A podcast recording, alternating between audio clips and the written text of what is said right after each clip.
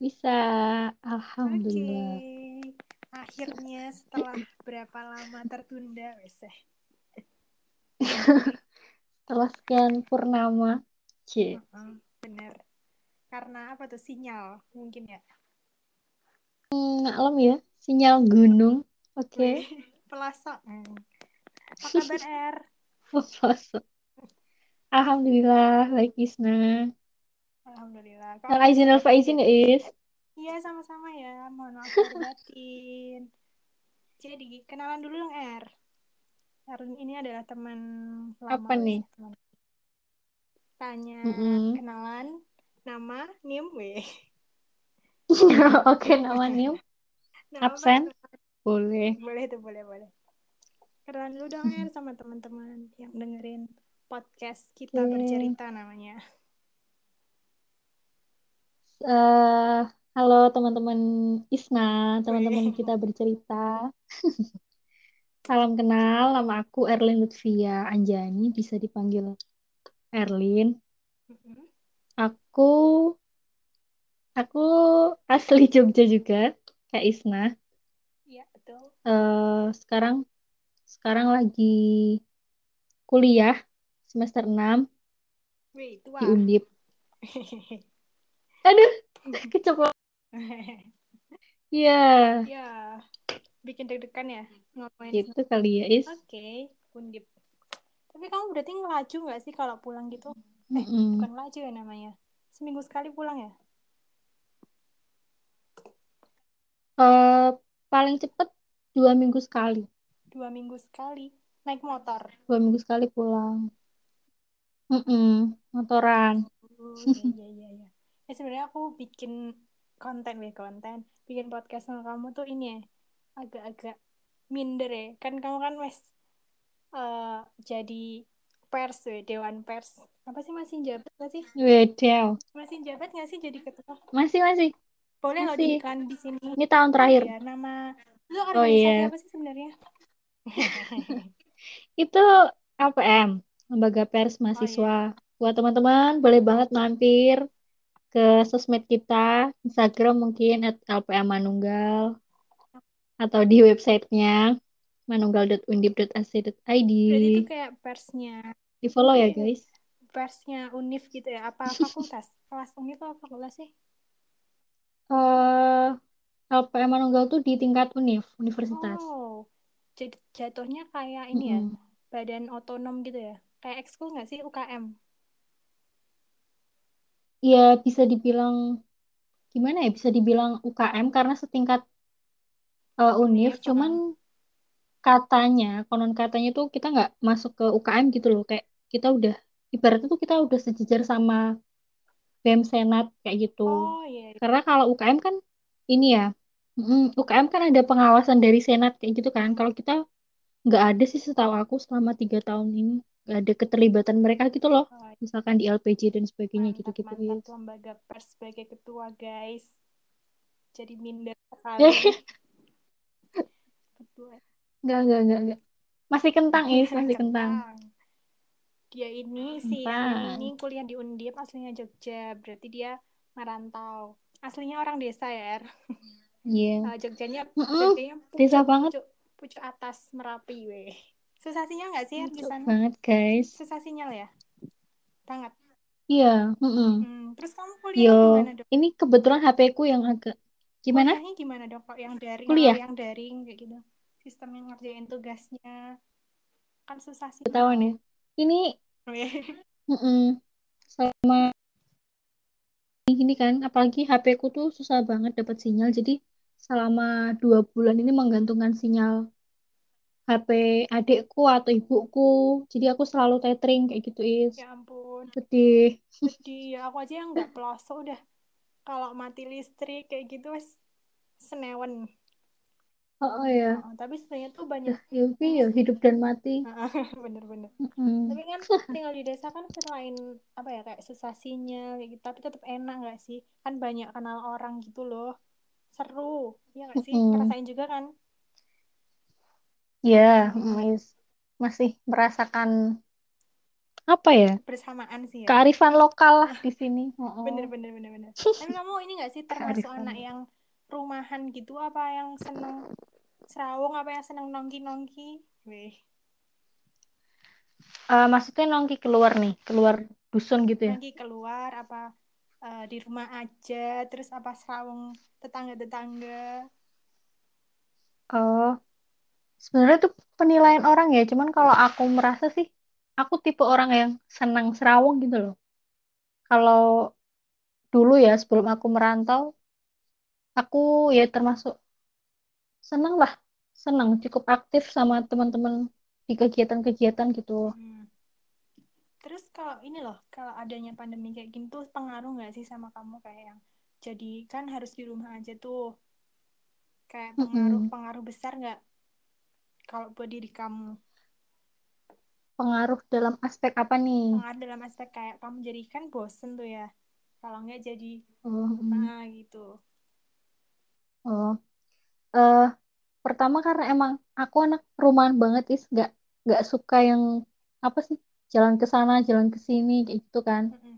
dan karena aku anak rantau ketika aku pulang ke rumah eh, merasa apa ya merasa senang-senang aja sebenarnya kalau di kehidupanku yang biasa gitu ya nggak ada kaitannya sama kuliah kayak gitu aku merasa ya enjoy aja sebenarnya cuman kalau udah kepikiran kuliah organisasi proker yang mandek kayak gitu juga ya gimana ya jadi aduh Iya, iya. Berarti ini ya, kayak iya aku sih. gitu Iya, kan. Kayak aku. Jadi sebenarnya anak rumahan, terus adanya pandemi ini yang Mm-mm. mengharuskan di rumah aja tuh sebenarnya nggak apa-apa. Kayak nggak apa-apa nggak keluar-keluar tuh. Cuma nanti yang pengaruh besarnya yaitu kayak proker-proker, terus kegiatan yang harusnya dilaksanain betul kayak gitu kan. Oh, oh. sama berarti. Mm-mm. Mungkin teman-teman yang lain juga ada yang ngerasain kayak gitu sih, sama iya kita. Tapi aku ini sih, Er, lihat iya lihat yes. story-storymu kayak di WhatsApp, di Instagram yang sama teman-teman kampungmu tuh kayak ya ampun seru banget. Kalau caramu tuh gimana sih bisa erat sama teman-teman kampungmu, teman-teman Oh, desamu? Pengen aja gitu mm-mm. kayak gitu. sebenarnya eh gimana ya ini aku aku cerita eh maksudnya ini nggak bisa di generalisir Iya, ya Is. Jadi benar-benar. ketika aku cerita kan nggak semua orang bisa eh, ngelakuin hal yang sama gitu kan banyak faktor. Kalau aku kenapa sih aku bisa eh, enjoy bisa serawung gitu sama tetangga-tetangga aku? Karena emang dari dulu dari ini nih misalkan Mas Mbak sepupu aku gitu dari mereka eh, gabung di Karang Taruna itu mereka udah termasuk aktif gitu loh. Nah, aku kebantu dari situ. Aku mulai diajak Iya, iya. ikut eh, waktu itu arisan gitu ya kumpulan Karang Taruna kayak gitu. Terus sebenarnya ini sih ketika ada suatu acara kita ya udah kita gabung aja gitu loh. Entah kita nanti akan dalam tanda kutip dipakai atau enggak. Yang penting kita ibaratnya store muka lah kita Iya, iya. ikut ikut ngeramein gitu kan. Nah nanti dari situ kita lama-lama juga oh aku pernah nih misalkan. Terus diangkat jadi ketua panitia terus panitia ABC kayak gitu kan. Iya, iya. itu bermula dari ya kita ikut-ikut aja. Sebenarnya awalnya kayak gitu is. Mm-mm. Seru banget sih, tapi aku lihat di kampungmu kayak dari story-storymu tuh erat banget gitu loh. Tapi kadang tuh ini orang-orang tuh eh, Mm-mm. ya nggak semuanya sih, tapi banyak yang merasa kalau misal tinggal di desa tuh eh, orang-orangnya kayak apa ya, istilahnya kayak ikut campur urusan orang. Padahal tuh menurut mereka, Mm. menurut kita kita tuh harusnya ini loh, eh, mereka tuh peduli sama kita ya nggak sih? Kayak tenang gitu Mm-mm. loh tinggal di kampung tuh kita bisa kenal banyak orang nggak individual kayak gitu Nah, ngerasain juga betul nggak banget Mm-mm. Iya, karena eh ya sadar atau enggak kita emang hidup di budaya kolektif gitu ya, yang semua tuh serba bareng-bareng gitu kan. Apalagi di desa tuh sebenarnya emang masih kental banget gitu loh kebersamaannya gitu. Kalau kita sebenarnya hilang-hilang nih sinyalmu aktifnya kita yang senang aja sih, karena wah banyak bantuan. Kalau butuh apa pun sama tetangga dibantuin, sama tetangga dari ujung sampai ujung kita bisa kenal gitu kan. mm-mm, Cuman mungkin bener-bener iya. buat mm, buat beberapa orang yang mungkin udah termasuk eh, apa ya orang-orang yang individualis mungkin hal-hal kayak gitu bakal dianggap mengganggu sih. Kayak apa sih ini urusanku? Ngapain ikut-ikut? Mungkin dan aku rasa udah ada orang yang mulai kayak gitu di dusunku sendiri Bisa dengar? halo Ya, halo. Keputus ya bisa tadi.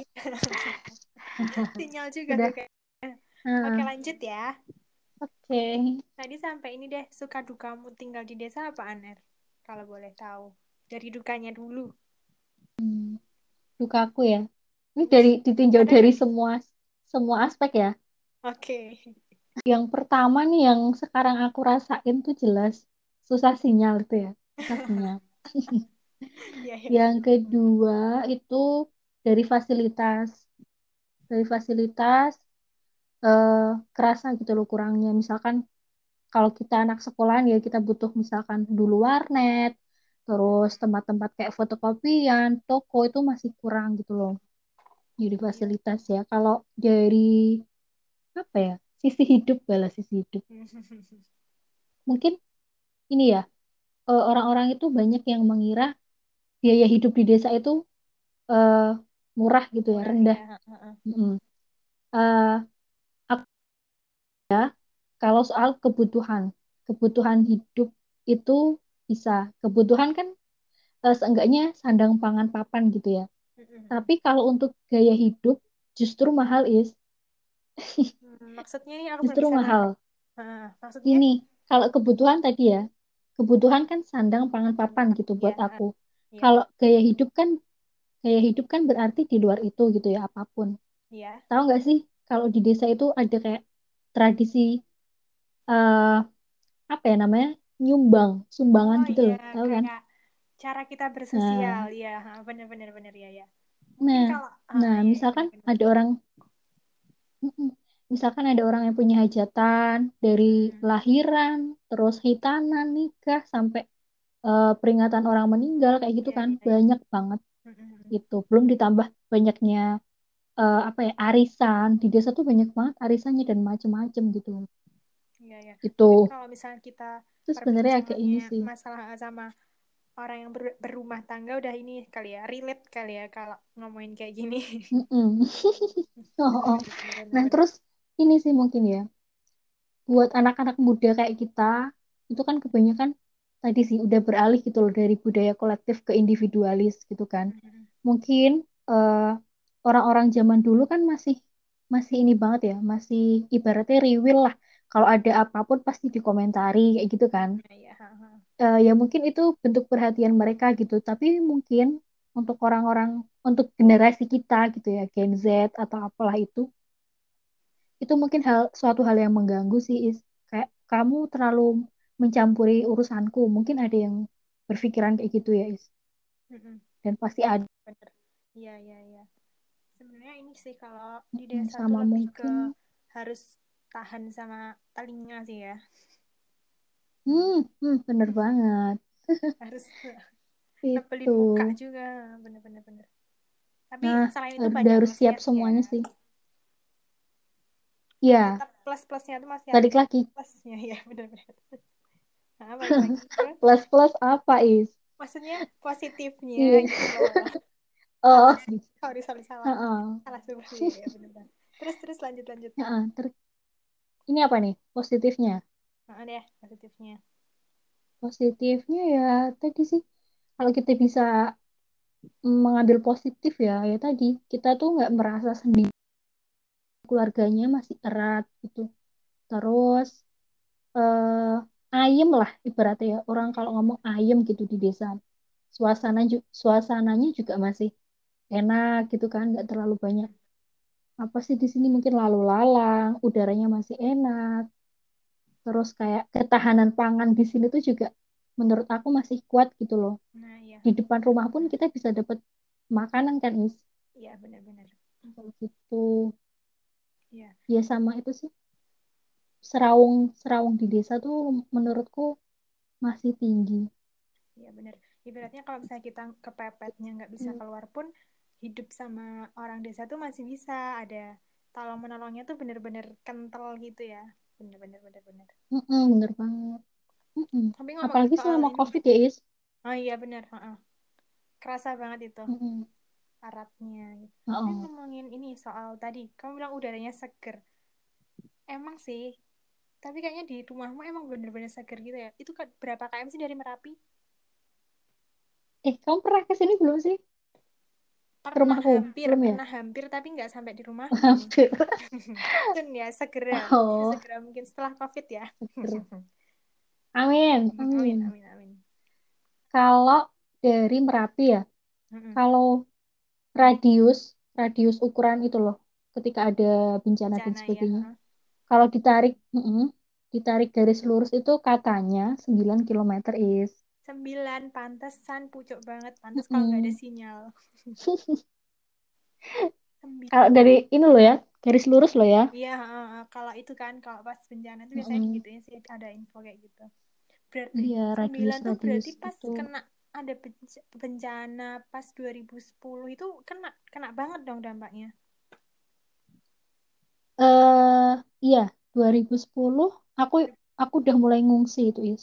Hmm. 2010 tuh Kena kita soalnya. SD ya? Ya nggak sih? Eh, iya ya Mm-mm. benar-benar. Iya, kelas kelas 6. Mm-mm. Ngungsi tuh Aduh, ketahuan lagi. ketahuan deh umurnya. Aduh, Ngungsi berarti tapi gimana? itu sampai bener-bener cuman cuman dampak yang nggak langsung apa bener-bener secara langsung? eh ada yang ada yang langsung dalam arti dia itu deket sungai, sungai aliran ini kan, lahar gitu kan, Is. Tapi kalau di da- di daerahku itu ya sebenarnya sama sih mungkin di daerahmu juga kena ya kayak abu, terus hujan ya, ya. kerikil kayak gitu kan. iya, Ya iya. semacam itu. Cuman karena kemarin peringatannya radius 9 kilometer itu udah nggak aman, jadi ya Iya.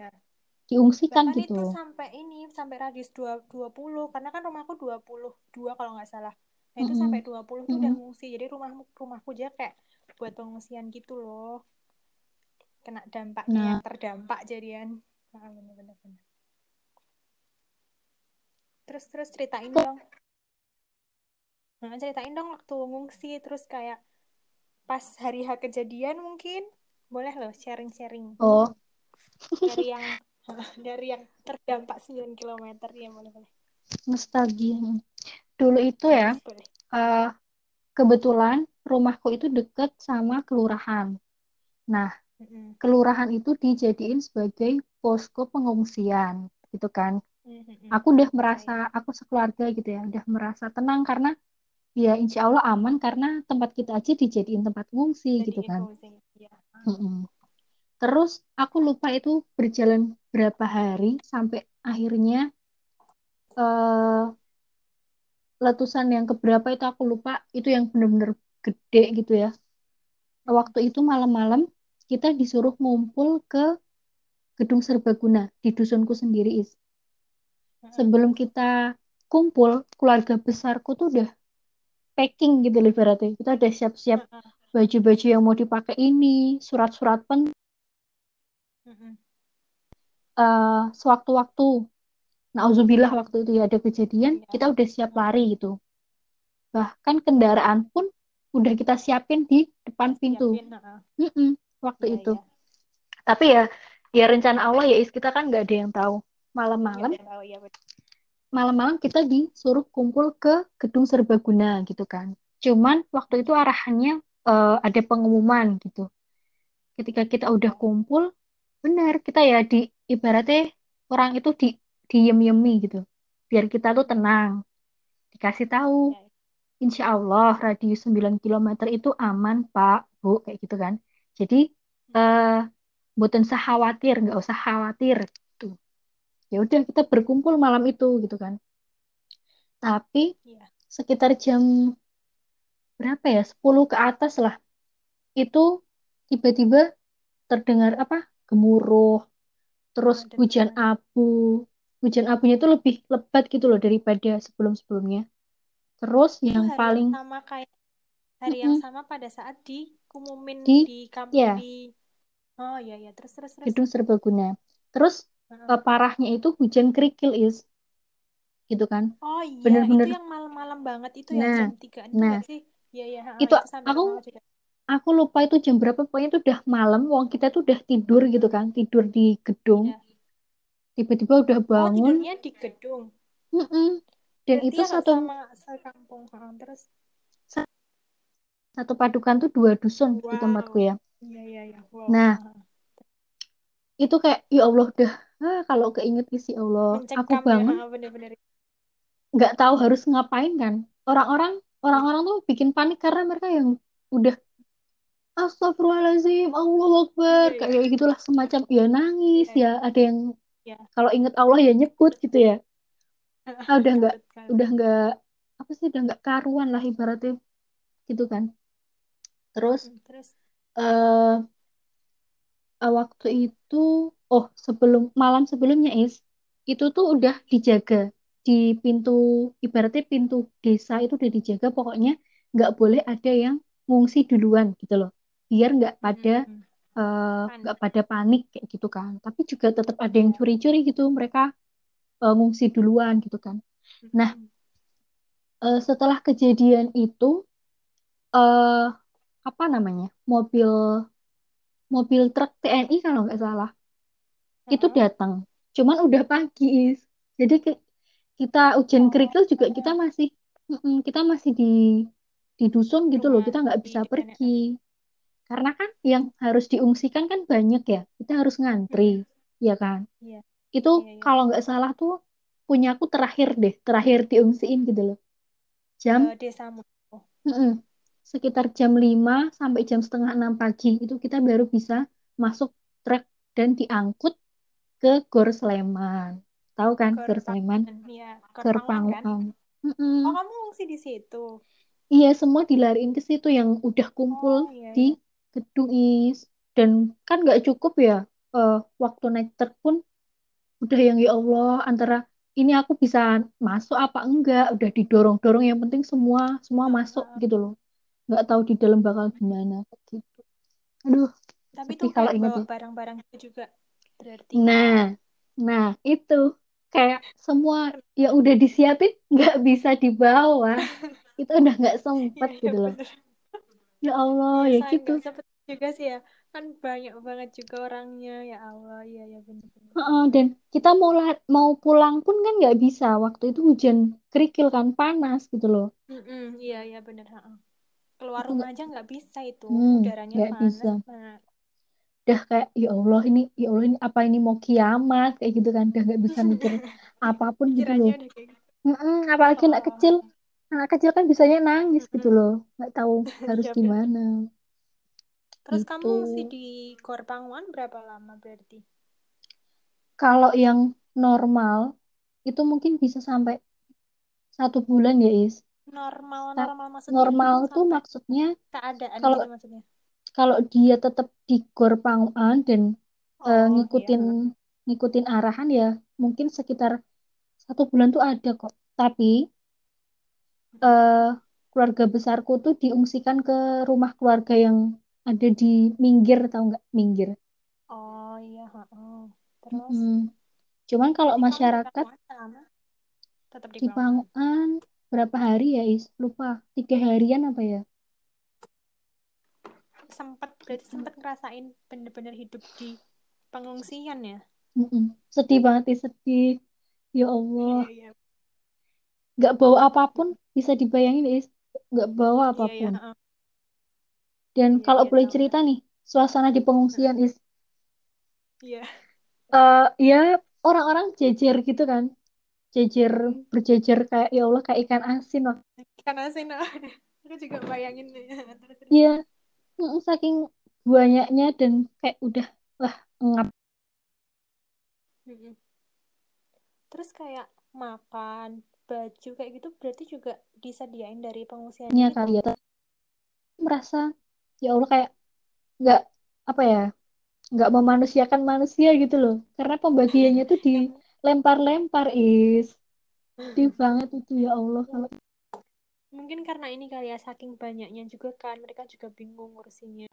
Putus lagi tadi selain gara-gara sinyal lagi. ya sinyalku is ya. sinyalku Sinyalnya dua-duanya sih aku juga sinyalnya susah.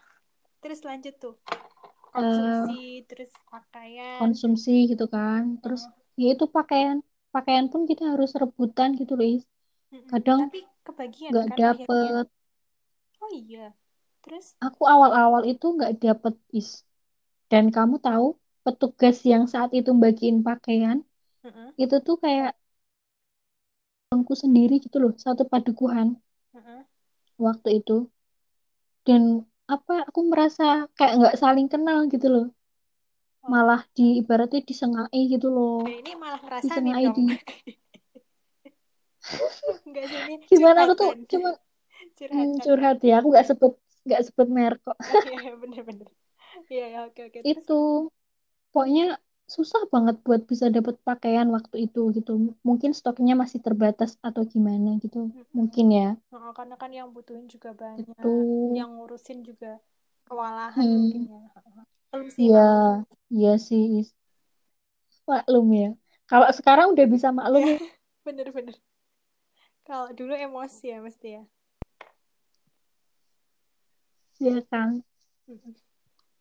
Terus kalau menu makanan kayak gitu gimana sih Er aku loh nggak tahu eh hey, jangan sampai tahu ding jangan sampai ngerasain juga. Mm-mm. Kalau inget detailnya apa, enggak ya Is. Tapi kalau nggak salah waktu itu ya nasi, terus ya lauk-lauk seadanya. Dan perbandingannya juga nasinya emang lumayan ya. Mungkin lumayan banyak, tapi lauknya juga nggak sebanding. Ya kayak gitulah, kayak di dapur-dapur umum. Mungkin pernah lihat kita ya, kayak gitu. sehari tapi tetap terpenuhi tiga kali gitu kan Aduh, kok aku lupa. Harusnya sih iya, gimana harusnya iya ya. Nah, air bersih agak susah. Kamar terus mandi, mandi toilet gitu heeh. agak susah. tapi bisa mandi juga Kita ngungsi. Kayaknya aku kayaknya sehari sekali itu pun nggak tentu ya. Is.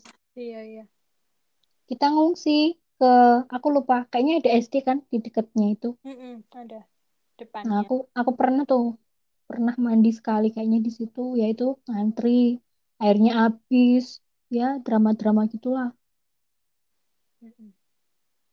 terus waktu Tuh. udah pindah ke saudara berarti udah aman ya bagi keluargamu maksudnya udah udah terpenuhi yang kemarin-kemarin belum terpenuhi Mm-mm. Ya, alhamdulillah iya. Tapi karena Pak Deku, Pak D itu apa ya? Tahu lah ya Pak D. ya Pak D ya tahu lah Pak Deku itu eh, kebetulan kepala kepala dusun, kadus. Mhm. Jadi eh, keluarga besar itu pindah ke rumah saudara, tapi Pak Deku itu tetap stay di eh, GOR Gor, karena ya masyarakatnya di situ gitu kan, Is. Ya Gitu sih. Kalau aku yang di rumah saudara, alhamdulillah ya ada gitu dan bantuan juga sampai ke sana. Jadi alhamdulillah masih bisa masih bisa makan, masih bisa sekolah waktu itu. Sekolah sekolahnya kamu kan sekolahnya di dekat rumah terus gimana dong pindah gitu Mm-mm. Eh, dulu itu kayak kita numpang sekolah gitu. Kalau oh yang di pengungsian, Heeh. mm-mm, kalau yang di pengungsian itu udah emang udah ada programnya ya sekolah. Jadi udah ditentukan Hmm, eh, sekolah-sekolah mana aja yang eh, jadi tempat apa sih namanya? tumpangan Kita numpang sekolah, Heeh. mm-mm, tumpangan sekolah kayak gitu. Alhamdulillah sekolah, terus juga dikasih seragam waktu itu oh iya sampai dikasih seragam lumayan. juga Mm-mm. Ya, eh mm, kayak kalau nggak salah satu seragam apa gimana. Sisanya kita pakai baju bebas nggak apa-apa. Mm-mm. Tuis. berarti benar-benar sebulan itu kampungmu ditinggal ngungsi sama penduduknya dong Mm-mm. Bener-bener kayak kampung mati gitu, nggak ada orang. nah terus kayak sawah-sawah hewan ternak gitu dibiarin apa juga kalau hewan ternak diungsikan juga Kalau hewan ternak aku kurang tahu ya. Mm-mm. Tapi kalau tanaman kayak salak itu emang semua udah rusak gitu Mhm, waktu itu. cok tuh hasilnya tak salah ya, utama Turi, daerah Turi Mm-mm. kan salah ya. Iya, di wilayahku komoditas utama itu salak. Mm-mm. Tapi waktu itu ya semua rusak kayak gitu. tapi sekarang udah bisa balik lagi kan udah udah panen udah bisa distribusinya udah lancar lagi kan Alhamdulillah. Mm-mm. Alhamdulillah udah eh, membaik lah, udah kembali kayak Hmm, semula gitu. ya.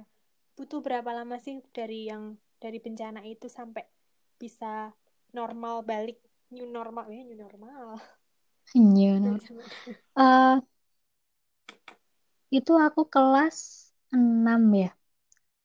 Kita kelas Untuk 6 SMP, Mm-mm. aku masuk SMP itu kayaknya udah udah udah mulai ini kok, Is. Udah seperti biasa gitu, kecuali enggak enggak sampai. Pokoknya habis Idul Kurban, waktu itu kurban di pengungsian, terus kita boleh pulang.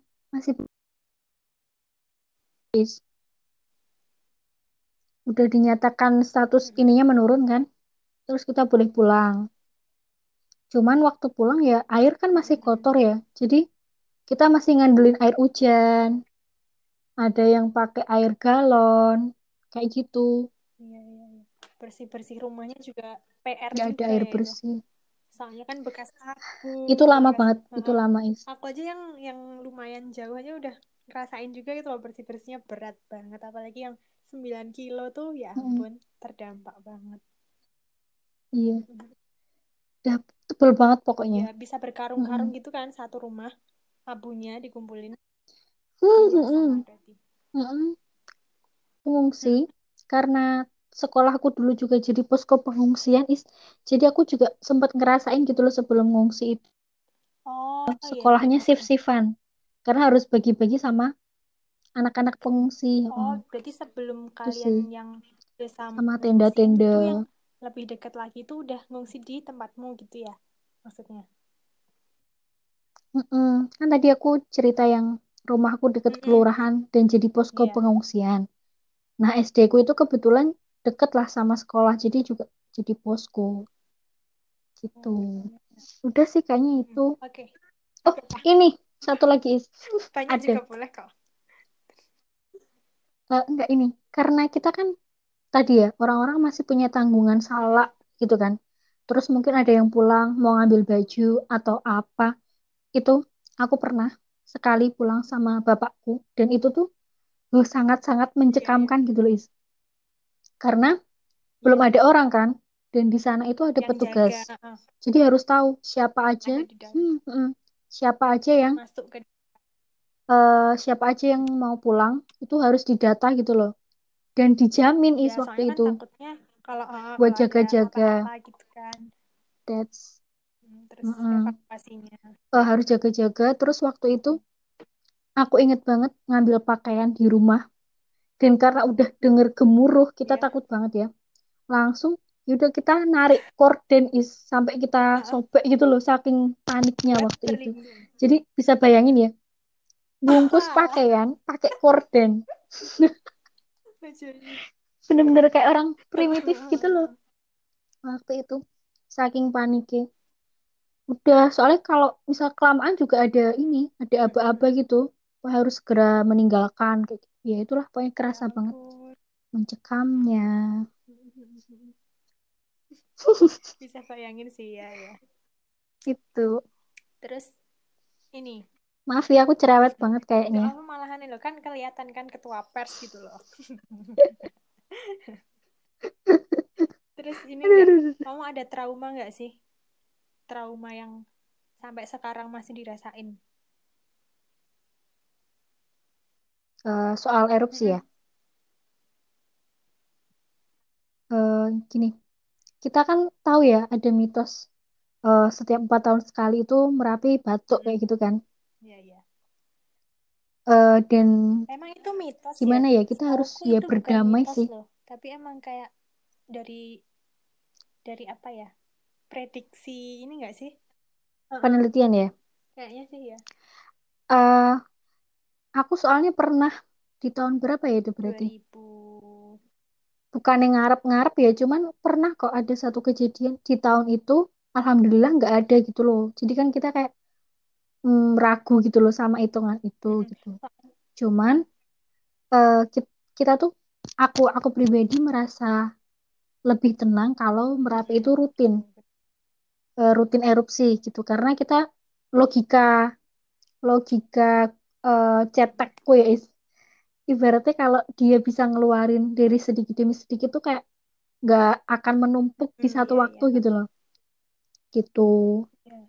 dan awal-awal sih kita masih trauma kalau dengar suara gemuruh kayak gitu.